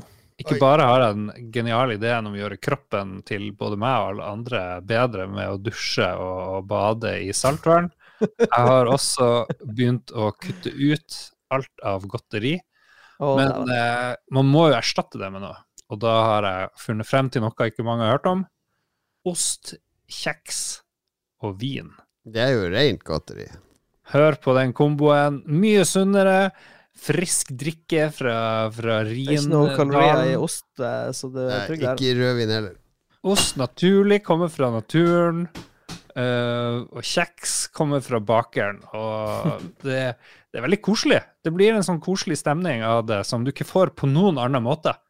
Men man sitter liksom Hvis du har en sånn crackpipe og en pose med sånn gummikrokodille, så blir det god stemning. Men det er et sånt triks. Det er, du leveler opp kvelden hvis du har en rolig aften eh, med deg sjøl eller med andre. Så, og så føler man seg plutselig mye mer litt sånn intellektuell. Man får lyst til å diskutere eh, andre ting enn bare de vanlige. Det passer ikke å snakke om bleie. Når dere hadde den der capsfesten deres forrige helg, var det ost og mm. kjeks og vin da, eller var det øl? Ja, da var det Carnitas og øl og, ja. og uh, Tequila. Og det var ikke, ikke noe potetgull og snacks? Jo Jo da. Det var noe snacks. Alt i sin tid. Men dette er jo, dette er jo sånn uh, Altså, du hadde Dette er noe som følger med det å bli samboer med en dame. Det er, noe, det er, ikke noe, ost og kjeks og vin på hytteturen med oss gutta, Lars. Det er ingen som har foreslått noen gang, eller prøvd å dra frem? Det er ingen som har tenkt tanken. Nei. Skal du stå for det på årets hyttetur? Ost, kjeks og vinkveld. Med ja. lyrikk, kanskje, for eksempel. Uh, ja, det, det, lar seg gjøre. Jeg vet ikke om noen gidder å følge med. Men kjører du den barbariske manneversjonen? For det er jo rittkjeks og så en eller annen sånn der ost som du må skjære litt i. En sånn camembert eller uh, bri? Mm, Nei, nei, det var ikke jeg som arrangerte det her. Så jeg, det var masse typer kjeks. Det var druer, det var fiken, og det var, Ja, det var- sånne, var Sånn, litt sånn syltetøy og sånn. litt syltetøy. Ja. Det er gøy. Det er koselig. Og så, så føler du det vel etterpå. Så har du en unnskyldning for å drikke masse vin. Det er jo tøft. Ja da. Jeg, jeg, jeg, jeg har gjort det, jeg òg, noen gang. Så hvis du er, hvis du er blant mange som ikke Men- har hørt om ost, kjeks og vin, så, så anbefaler jeg Det er noe femi over det. Fordi hvis Du hadde ikke invitert Mats på at du og Mats skulle sitte og ha ost, kjeks og vin-kveld. Det er noe dateaktig over det. Det hører Er det med dateaktig med- telys og stearinlys og litt sånn uh, smooth musikk. Ost, kjeks og vin og en uh, klassisk Steven Seagal-film. Nei, det går ikke. Det funker. Funker ikke. Nei, nei, nei. nei, nei. Ok, vi kan, ha, vi, kan ha gull, vi kan ha gullsalami og bokscola og Stratos. Det går med. Det går med Sigal. Mm, ja, det liker jeg. Ja, så det var en sånn hverdags... uh, Men det var det for å være sunn at dere, at dere spiste ost? Det er jo ikke sunt i det hele tatt. Så håper jeg ikke det var det liksom hovedmålet. Jeg tror det er veldig sunt. Vin, Ja. ikke det vin bra? Tror det er slått fast for lenge For det er jævla dyrt for sånne oster til, til de greiene her. For jeg, jeg var på Meny, og av og til så kjøper vi, Jeg spiser jo sånne oster av og til på, på, til frokost i helgen. Mm. Og det er gjerne sånn når du går i ostedisken her og ser, så er det sånn Hvor mye koster den? 900 kroner kiloen. 780 kroner kiloen. Nest, neste gang dere er på butikken, se på kilosprisen på sånn her eh, parmesanost som du har på pastaen. Det er groteske priser. Ja, det koster mye. Mm. Det, er, det er ikke noe Hvor mye tror du er kilopris på popkorn? For det veier jo nesten ingenting. Jeg tror det er langt under parmesanost. Ja. det er ganske sikker på. sjekke. Ja, jeg skal anbefale en, en Det er ikke en Eller det er en um, Ja, nå må Er det en ny yoghurt? Mm, Nei, det er om vi, eh, om vi Nå må vi inn i noen definisjon Hva er definisjonen på en podkast? Uh, ja, det er innhold som du primært lytter til eh, ved anledning. Det er det, ja.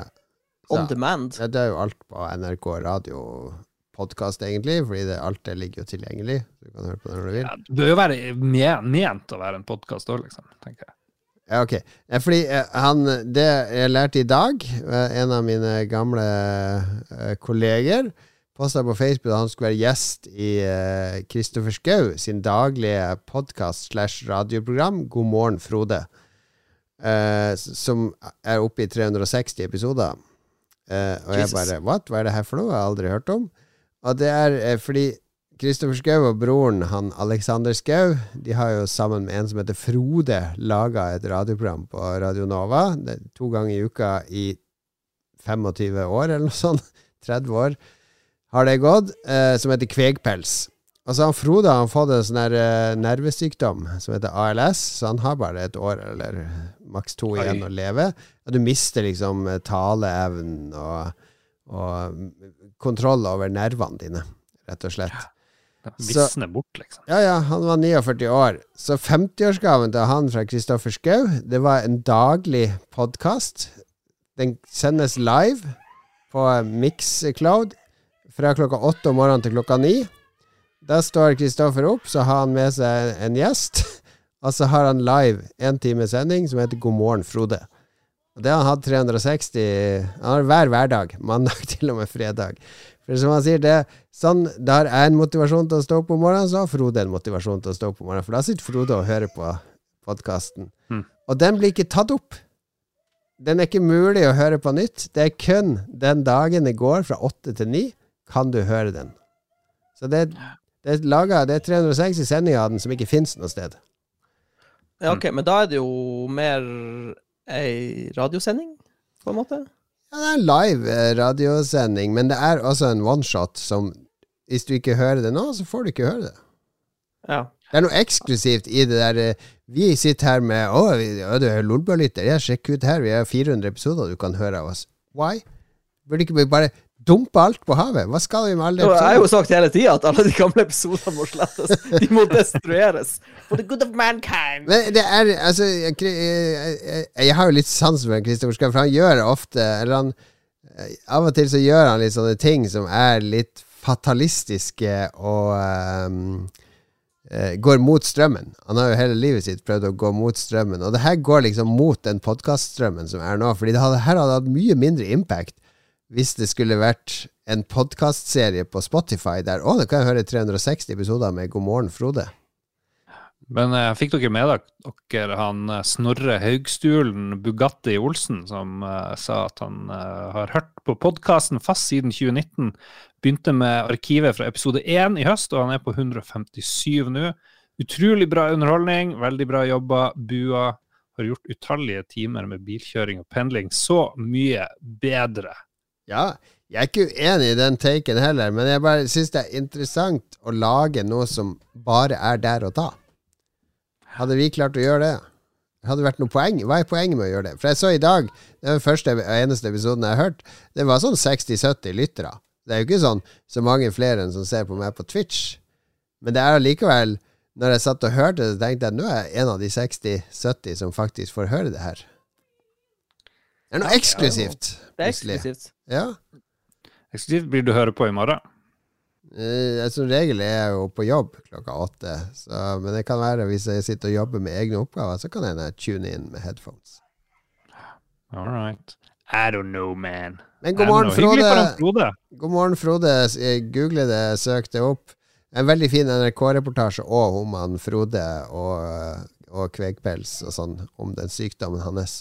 Stakkars uh, jeg, jeg, en kjip, Mm. kjip sykdom, altså, så jeg er veldig glad for at De, de har også en policy med kvegpels. Det er, det er jo litt som oss, det er tre karer ikke sant, som starta det. Og policyen er at de holder på til to av de har falt fra.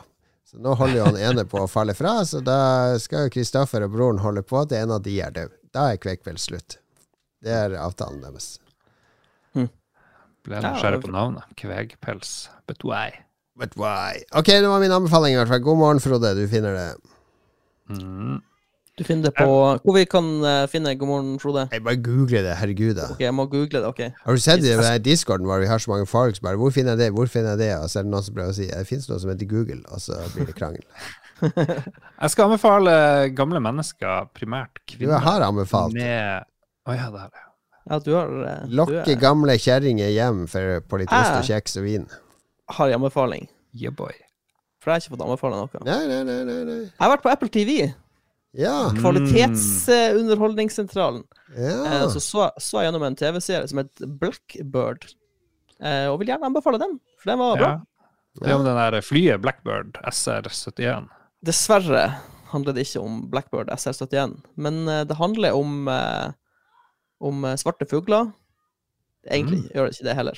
Eh, det, men det handler om en seriemorder. Mm. mm.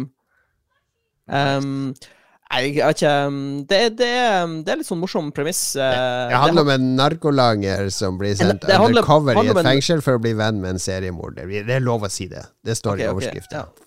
ja. Ja. Det er han eh, Taron Egerton fra de her eh, De her Å, hva heter de filmene eh, hvor de har Det var noe sånn her eh, secret uh, undercover-organisasjon. King, uh, Kingsmen. Mm. Serien. Mm. Ja, han, han hovedrollefyren derfra har, uh, oh, ja. har dukka opp nå eh, og spiller han der narkolangeren som Han får en deal da fra eh, Fedsen om å eh, Hvis han klarer å, eh, å få litt info ut av en sånn seriemorder, så skal han eh, slippe å sitte lenge i fengsel. Så eh, handler det egentlig hele serien om at han drar til det fengselet der han der seriemorderen eh, befinner seg. Og så er En- det En lang utgave av uh, den der med han Anthony Hopkins og Jodie Foster. Ja, faktisk. Nei da, det det er litt sånn unikt premiss. Og så er det veldig sinnssyke skuespillerprestasjoner. Han derre eh, fyren som spiller en seriemorder, han må jo være en seriemorder i virkeligheten. For det, Det er han som er uh, han, uh, han eh, spion i den eh, Tonja Harding-filmen. I, Tonja. Oh, okay. Han som var livvakta til Tonja Harding. sett- Ja, ok. Ja, han samme samme han er- skuespiller. Han er dødskul. Han er så flink! Det er så jævlig bra. Det er helt nifst hvor flink han er. Og uh, han er Taron Egerton, er, og for all del, han er flink han òg, men han uh, blekner litt uh, sammenligna med Så er det jo basert på en selvbiografi fra en fyr som uh, Altså, det er jo en sann Ja. historie. Det er, sånn, det er en sann historie bak det hele, og det er litt sånn kult. Uh, ja, det er rett og slett fascinerende historie. Og så er det, det Den er ikke så lang heller. Men er den like bra som den ultimate fengsels-TV-serien Prison Break, der han tatoverte hele kartet av fengselet på kroppen for å klare å Tenk at vi kjørte kjøpt, vi kjøpte det premisset for noen år siden! Å, så utrolig kult! Han har tatovert hele fengselet! Det er, kartet er skjult i tatovering! Herregud, så idioter vi var en gang. Kunne han ikke bare eh, liksom lært seg layouten? Ja, ja, pugga det. Nei. Pugga det. Nei. Men eh, en ting til som taler fordel Blackboard, det er seks episoder, og det er full, fullstendig historie. Så, Sweet. ja. Keep it short, keep it simple. Sprett litt ost, kjeks og vin, og se Blackbird. Og så morgenen etter, torsdag morgen, så kan du høre God morgen, Frode med Kristoffer Schou.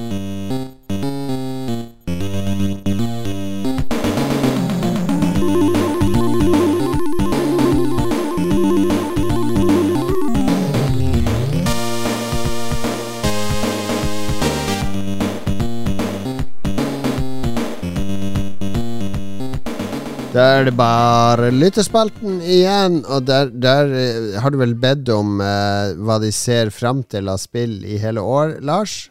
Jabbai. Men i og med at vi nå bare har snakka om januar og februar, så må du filtrere bort alle svar som ikke er er- Ellers blir det dissonans mellom det vi har prata om, og det lytterne prater om. Ja, det gjør. Det, eller det som skjer, det er jo at alle spillene blir flytta til januar eller februar. Så alt det vi skal nevne nå, kommer ut veldig snart. Okay, gled Min teori. Andreas Antbro han ser veldig frem til Elden Ring DLC og Mm. enda mer FromSofting, Armored Core. Armored Core er jo noe helt annet enn Elden Ring, herregud, da. Jo, men han har trua på FromSoft, så han, eh, han stoler Jeg tror det. uh, Fires of Rubicon blir utsatt til 2024. Og, og, og, og gleder seg til Armored Core fordi du liker Dark Souls og Elden Ring. Det er som å glede seg til Fifa fordi du liker Battlefield. Altså, det, det, det, det er helt absurd. Absurd, Det det. Andreas. Ja. Du er, du er på kjøret, og så sier han at han kommer til å bli skuffa. Han kommer glede seg til å bli skuffa av Starfield. Tror vi at Starfield kommer ut fra Betesta? 2024. Jeg tror det kommer ut, men jeg tror det kommer til å være buggy og oh, i klassisk Bethesda-stil. Nei, tror du det blir bugs? Den stakkars Gamebryo-greia må de eh, erstatte. Og Mhm. Kosti derimot, han gleder seg til remaken av Dead Space, selv om det sikkert blir en fiasko og sikkert er teit. The, the heart wants what the heart wants. Han skulle jo egentlig The here wants what the heart wants. Altså Øret vil ha det hjertet vil ha, og det er sikkert noe stemmer. Hørselen vil ha. Hørselen vil ha det hjertet vil ha. Veldig confusing, Kosti. Olav Øyan, da. eh, Olav Øyan eh, sier at han driter i spill, og han ser mest fram til at du leser opp forrige ukes absolutt beste spørsmål, russer og Tetris. Spørsmål må drøftes, tolkes og ikke minst analyseres. Ja, det må ha kommet sånn etter at vi satte Ja, strek i forrige uke, så vi må bare gjette oss til hva han mener om russere Tetris. Har det noe med Ukraina å gjøre? um, kanskje. Vet ikke helt. Er det innafor å spille Tetris, eh, Jon Cato? Nå, ja. Ja ja, det er jo eh, Det står jo for universell fred de luxe. Ja, gjør det det? Eller står det for manisk stabling av ting uten mål og mening? Stable kasser med artilleri, artillerigranater som skal til Russland. Nei, til Ukraina. Hvis vi misforsto spørsmålet ditt, Olav, så må du bare gjenta det i neste uke, så skal vi komme til det. Ingen av oss som klarer å finne det forrige ukes spørsmål. Det er vanskelig. Det er veldig vanskelig. Per Anders Fosslund han ser frem til Starfield og Lightfall til Destiny. Ja, se her, det var det du ikke hadde på lista di, Lars. For Destiny er dødt for deg Mm. nå. Det er dødt. Det er gørr shit, altså. Håkon Pjunterwald, Tears of the Kingdom, Final Fantasy 16, Diablo 4, Street Fighter 6, Resident Evil 4 Remake og sikkert mye mer som jeg ikke har skrevet her. Uff, vet ikke hvordan jeg skal få tid til alt det i tillegg til alt annet. Jeg spiller eh, smilefjes med sånn svettedråpe. Svett Diablo 4, er ikke det old as fuck? Og det er remake. Ja, men jeg har jo spilt gjennom det. We done that shit. Ja. Final Fantasy 16, kommer det til sommeren? De mener det? Ja, kanskje. De mener det? Jeg tror det har en dato òg. Sånn, Street er- Fighter 6 er kult. da. Ja, det gleder jeg meg til. Jeg skal kjøpe Collectors Edition. eh, er du klar, Mats? Ja. Sykt klar. Mm. Han eh, Thomas Holmedal har to spørsmål, eller han har to kommentarer. Mhm. Tre Oi, oi, oi. kommentarer. Han har tatt helt over. Han lurer på hva som er ukas Steam-anmeldelser. Eh, og så eh, sier han som en ekte RTS-fan så er Company of Heroes veldig høyt eh, Company of Heroes 3 er veldig høyt opp på ønskelista, eh, og det er en gratis multiplayer-test nå. Og så gleder han seg til Atomic Heart, som kommer ut i februar. Ja, det var det russiske spillet vi egentlig Russiske lov å spillet som jeg ser som er fake gameplay.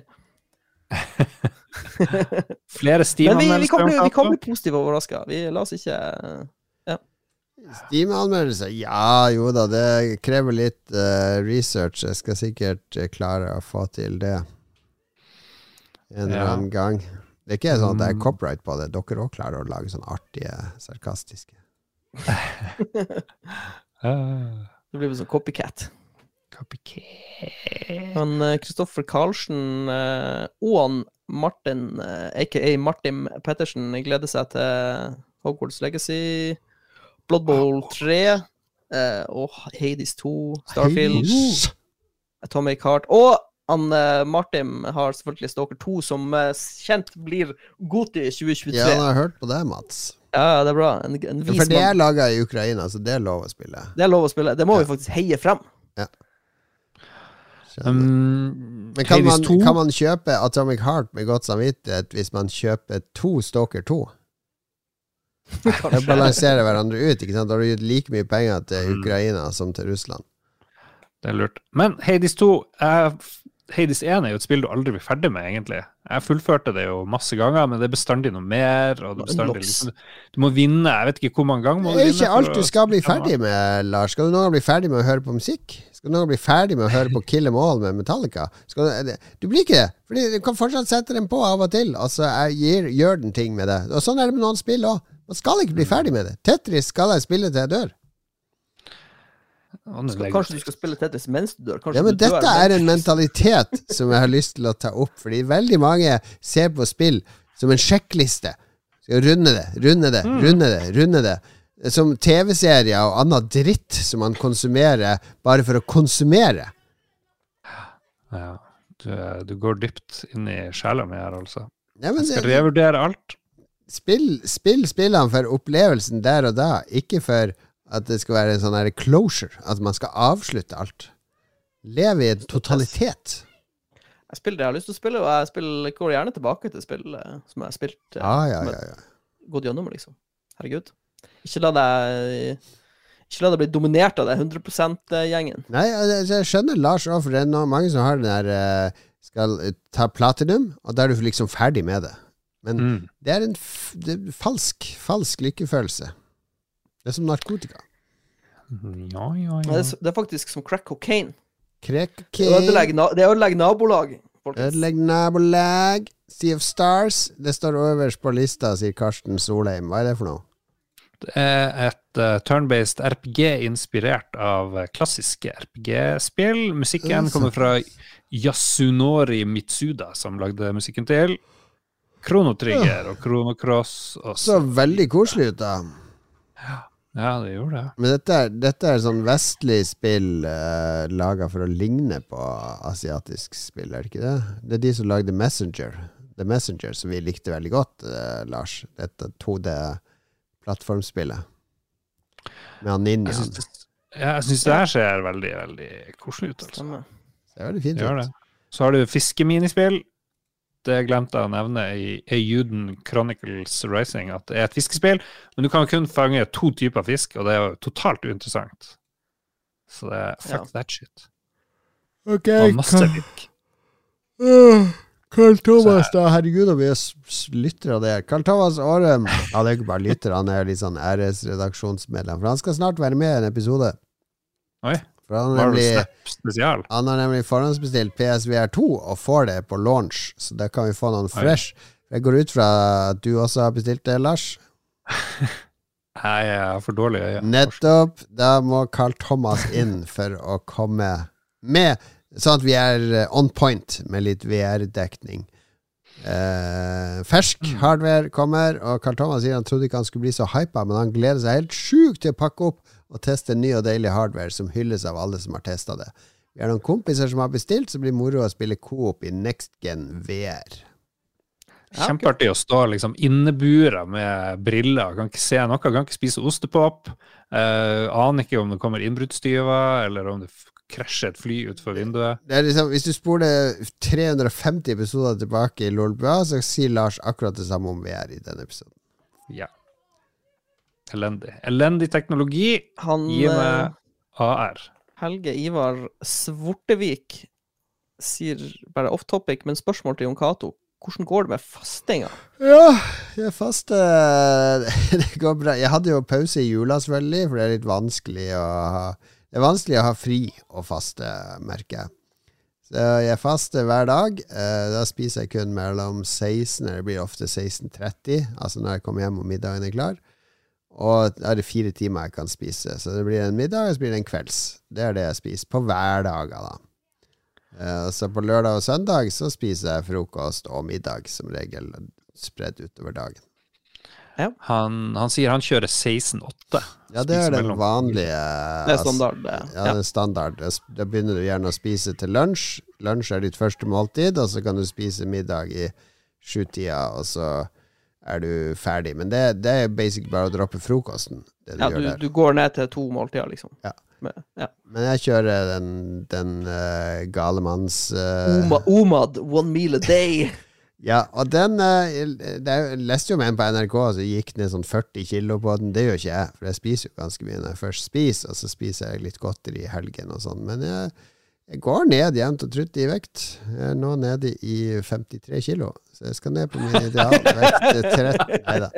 Jeg er nede i er jeg veier nå 94 eller noe sånt. Jeg lå jo på 100 i sommer, sånn cirka. Så Beefcake! går ned jevnt og trutt. Og så er det når det blir en sånn vane, så jeg blir egentlig ikke sulten gjennom dagen. Altså det er en, kroppen, kroppen er utrolig eh, god å tilvenne seg nye rutiner. Ja. Så eh, den der sultegreia forsvinner ganske fort når du går over til sånn eh, intermittent. det, er Nei, det er vanskelig på hjemmekontor, for da er det mat lett tilgjengelig. Man er på kjøkkenet og henter kaffe og sånne ting. Det er mye Sitter lettere på vanlig kontor. Ja. Ja, ja, ja. OK, og Rebekka Mø gleder seg sykt til Hogwarts Legacy. Faktisk så mye at hun har den der emojien med sånn lilla stjerne i øynene. Så det er bare vill hypefaktor. Yeah, yeah, yeah. Jeg håper det blir litt som det gamle hun spilte da hun var kid. Hun tror det var Harry Potter og Mysteriekamera på PC. Der er det en sånn emoji som ja, Det er ikke bare Han ler ikke bare sånn at tårene spruter, han ler med hodet på skakke så Han tårene spruter. ruller, han er ruller rundt. emojien. Men sånn, Ja. helt seriøst, de som, de som eh, hadde Harry Potter som en sånn her magisk uh, escapist-univers når de var eh, små, eh, de må bare spille det spillet og kose seg med det. Vi må ikke, må ikke drive og gi dem dårlig eh, Ja, dårlig eh, Men var de noe særlig bra, de der gamle EA Ja, mye søppel. Jeg, har- jeg har vært på flere reiser Jo, men- i England og intervjua utviklere om de Rebekka, ti år, bryr seg ikke om Ja, eh, Harry Potter og Mysteriekammeret på PC var dårlig. Det var Harry Potter, ikke sant? Ja, ja, ja. Spill. Hva var det vi var Vi, vi har ikke noe sånn Det magiske fra vår barndom var vel Star Wars, egentlig? Star Wars. Ja. eh, Vi, Mm. vi hadde liksom Star Wars rollespill og Star Wars leker og noen Ja. spill. Noen OK-spill. um, Da er det jo selvfølgelig han Marius Hoklarn. Hallo, Hallo, Marius. Starfield. Starfield. Ja, Ja. mange som Jeg gleder, meg, jeg gleder meg sjukt til Starfield, men jeg er jo uberskeptisk til alt som Bethesda eller slipper. Ja, vi får se. Vi får se. Og så er det et nytt spill fra NC-Saft som noen gleder seg til her, nemlig han eh, Per Søvik. A Throne and Liberty. Eh, tror, og det er jo NC-Soft eh, som har laga Lineage, som står bak det spillet. Så dette blir jo eh, Det er vel grind, eh, Wars, basically. Et eh, MMO, tenker jeg. Ja. Jeg har aldri hørt om det spillet. Jeg spilte Lineage eh, 2 ganske mye. Jeg er glad for at våre, våre lyttere putter nye spill på radaren vår, Mats. Ja. Det må Det er grindy. MMO, sign me up, baby! Yes, baby. Gimme, gimme, gimme.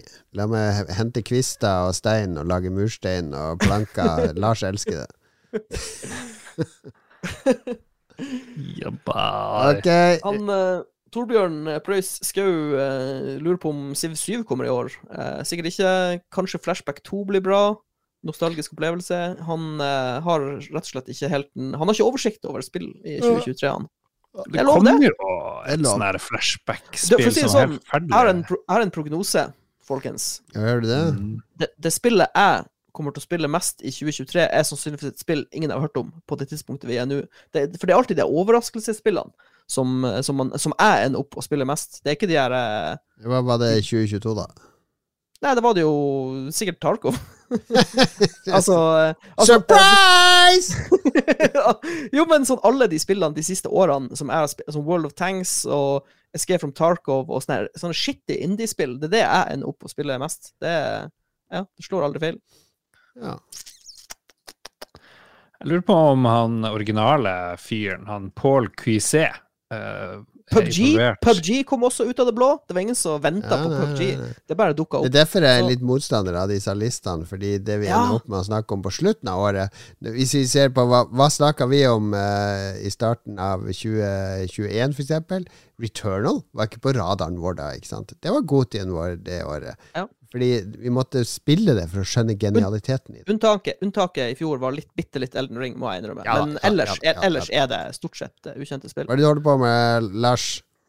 Driver og gjør en research på om han Paul Cuisset, som lagde Flashback 1, er med å lage Flashback 2. For hvis ikke det skjer, da, da Men han, Flashback 2 er jo et kjempegammelt spill, så Torbjørn sier at han skal spille et gammelt spill, for han har ikke peiling på hva som kommer i 2023. Det er ikke noe research du trenger å gjøre her. Ja, men det kommer jo Men han, han sier, 2. ja, han, det virker som han sier at Flashback 2 blir en bra Ok, Skal det komme et nytt Flashback 2? Ja, ja, ja. ja. Oh my god! Yeah, but you. okay. Remake, liksom, eller eh, Null, null håp. Kanskje. Paul Cuisset, creator of the original iconic game, is back for the sequel. Ja, ja, ok, det er litt okay, okay, mindre ok. skeptisk. Hei, dette er Ståle fra The Voice. Ok, jeg, jeg, jeg orker ikke mer. Vi må bli ferdig med den lytterspalten. OK, OK. ok han Adrian Haugen gleder seg Hei, Adrian. Han gleder seg sykt til Starfield. Klar for et nytt Bethesda-spill etter han skippa Fallout eh, 76 minus eh, 7. Hallais. Jonas, Hallais! Jonas skal spille Hogwarts Legacy og Resident Evil 4 remake av emoji med en trollmann. Og så var det den andre emojien der. Det var litt vanskelig. Det var litt Klarer smått. ikke å se Jeg hva det er for jeg, noe. jeg må Odd satan. Jeg gjorde, jeg gjorde det litt for stort der.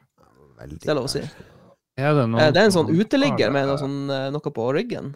Ja, det er en emoji med en uteligger med noe på ryggen. Det var litt sær. Eh, Jonas, typisk Jonas.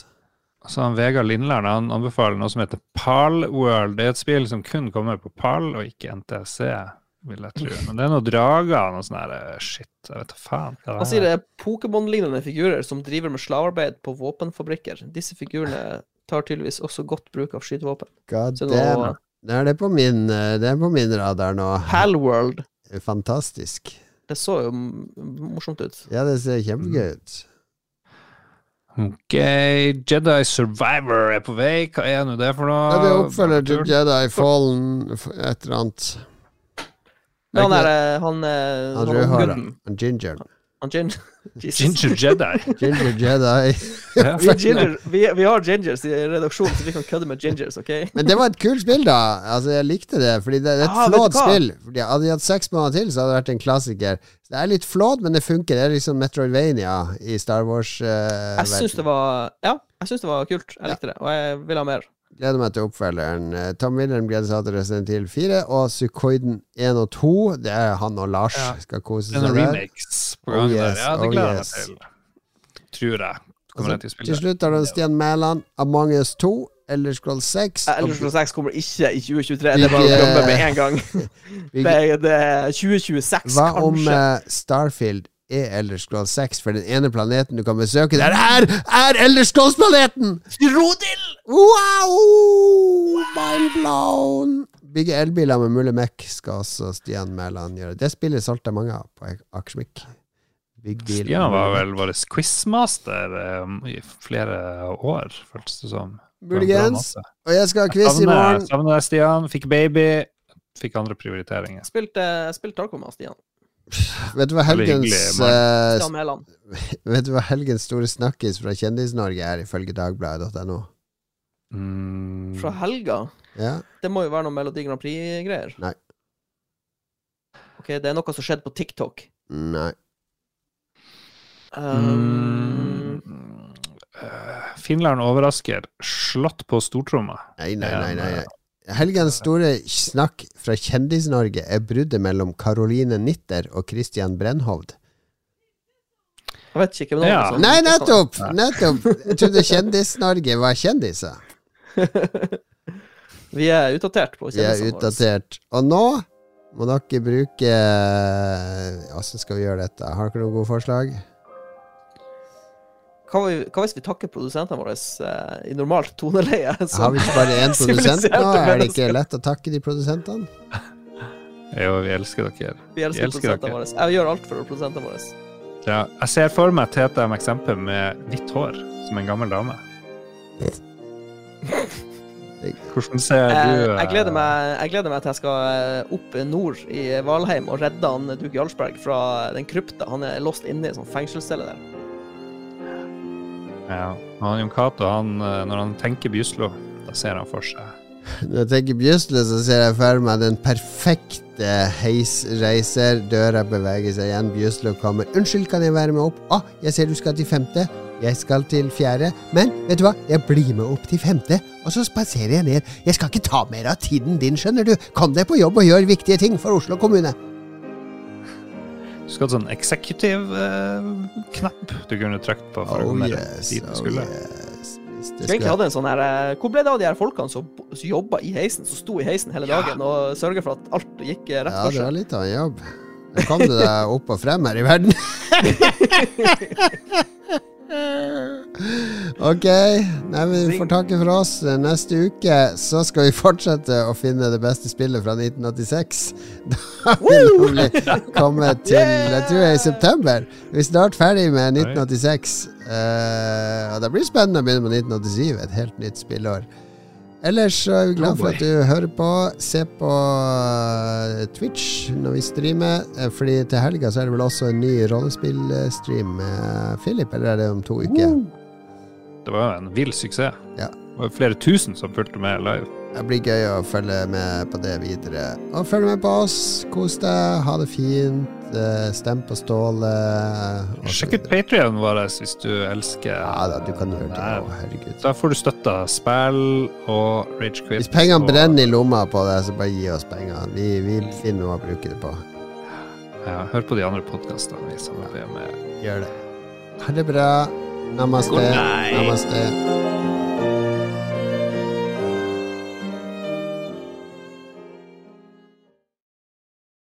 Har du et enkeltpersonforetak eller en liten bedrift? Da er du sikkert lei av å høre meg snakke om hvor enkelt det er med kvitteringer og bilag i fiken, så vi eh, gir oss her, vi. Fordi vi liker enkelt. Fiken superenkelt regnskap.